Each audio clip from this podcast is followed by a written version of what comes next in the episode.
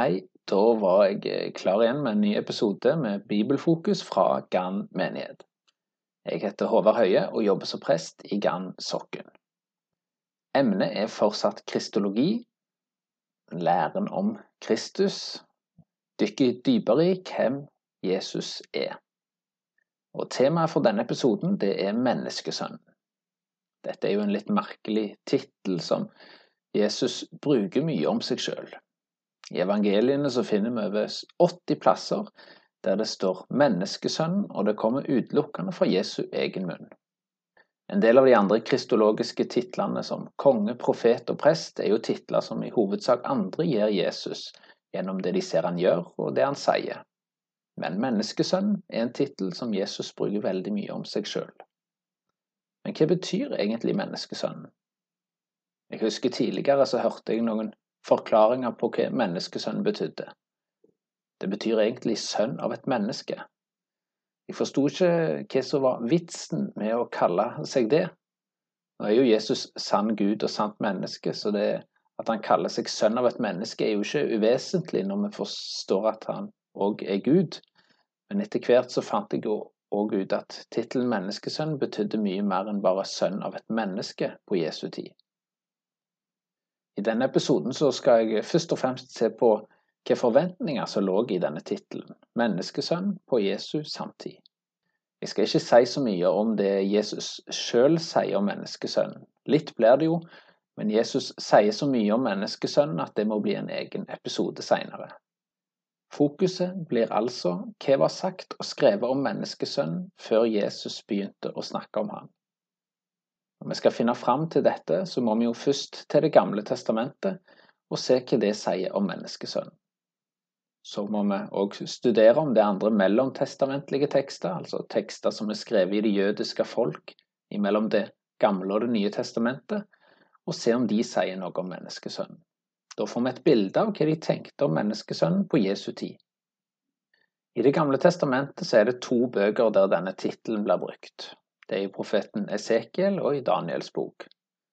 I Esekiel så finner vi at denne tittelen blir brukt om profeten Esekiel, som skal tale Guds ord til folket. Det er Esekiel kapittel 2 vers 3 og kapittel 3 vers 1.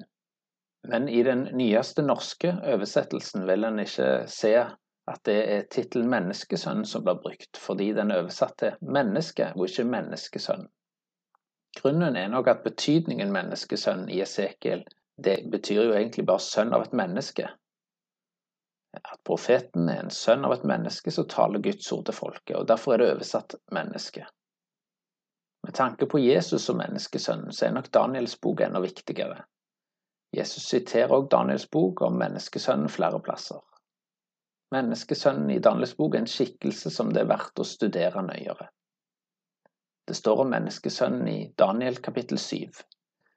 I det første året Belsassar var konge i Babel, hadde Daniel en drøm, og syner gikk gjennom hodet hans mens han lå i sengen. Etterpå skrev han ned drømmen. Daniel beskriver da en visjon der Gud tar makten fra fire verdensriker, symbolisert ved ei løve, en bjørn, en leopard og et fryktelig uhyre.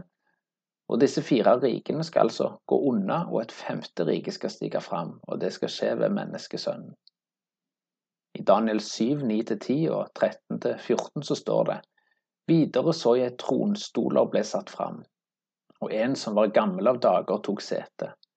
Klærne hans var hvite som snø, og håret på hodet som ren ull.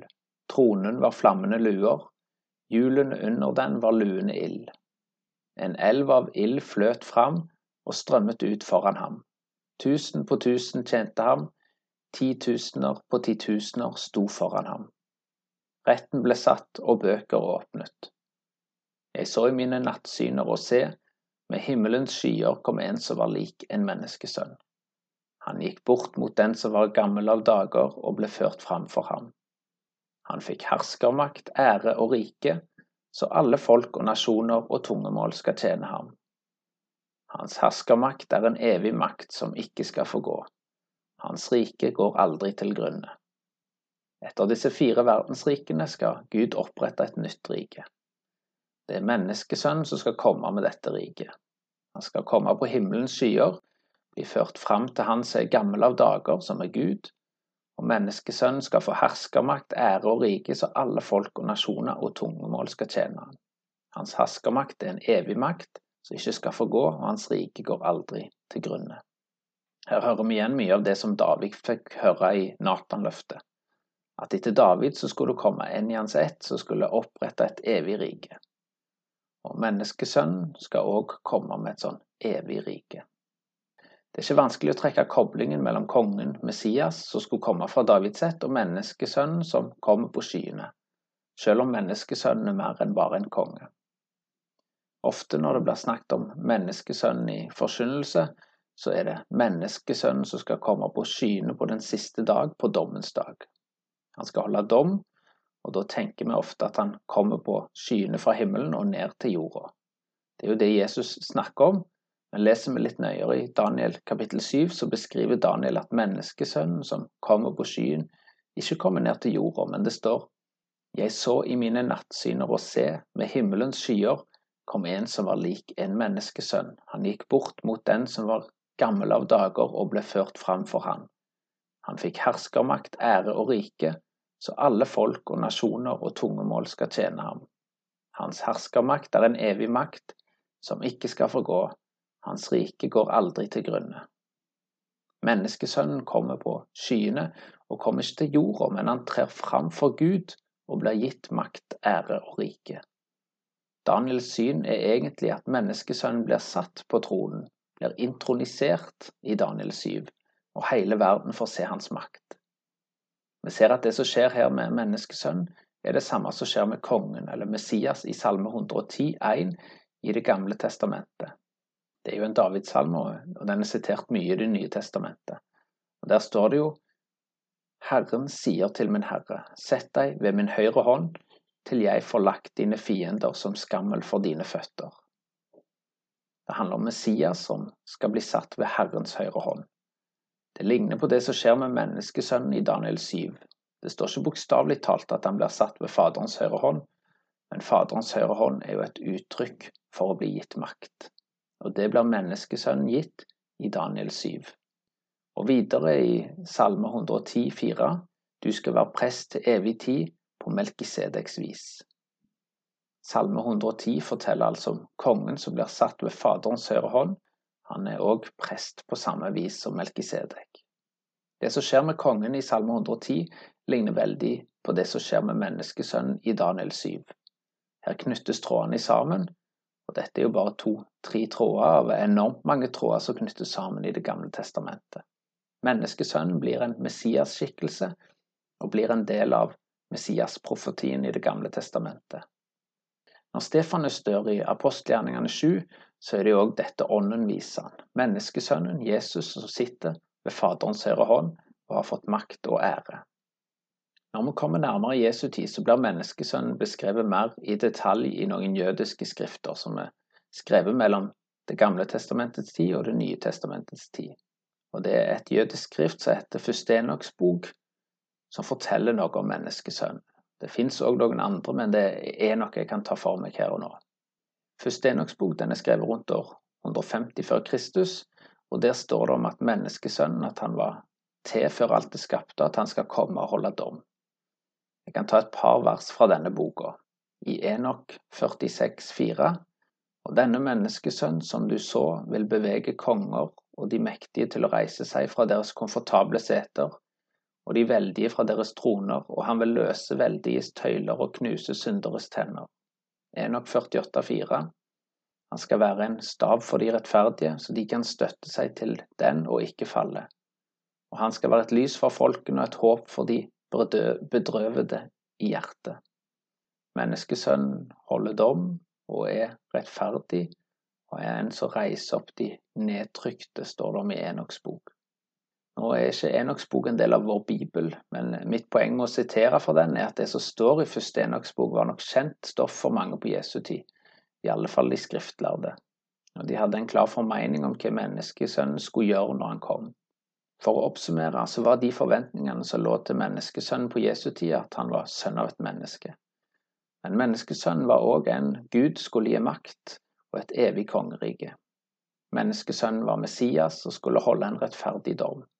Han skulle handle i Guds sted og han var til før alt det skapte. Det at han kom på skyene òg førte jo òg til at det, det var mer enn bare en jordlig konge. Kanskje noen tenkte at menneskesønnen var Enok eller profeten Elia. Begge disse ble jo tatt opp til himmelen uten å dø i Det gamle testamentet.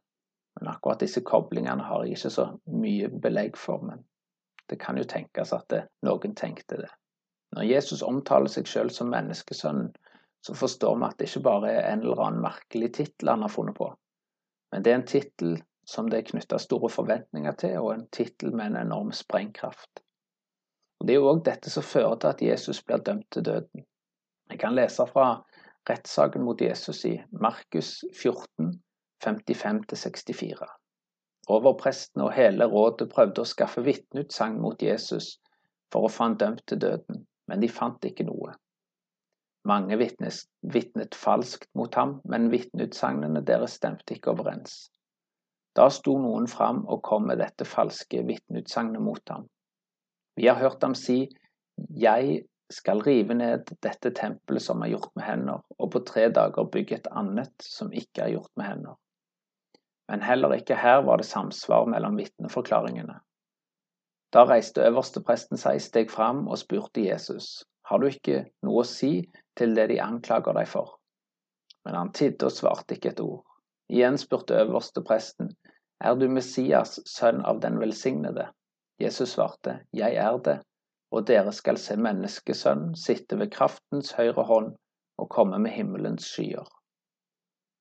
Da flerret øverstepresten katten sin og sa, Hva skal vi nå med vitner? Dere har hørt gudsbespottelsen, hva mener dere? Alle fant ham skyldig til å dø. Jesus han utvider jo tittelen menneskesønn, og når han sjøl identifiserer seg som menneskesønn, så regnes det som Guds bespottelse. Han går inn i Guds sted. Det går an å gjøre et søk på menneskesønn på bibelen.no og se hva Jesus sier om menneskesønnen i de fire evangeliene i Det nye testamentet og kanskje gå inn på disse ulike versene.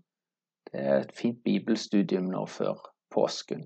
Da vil en òg se hvordan Jesus utvider denne tittelen og knytter den sammen med andre titler i Det gamle testamentet.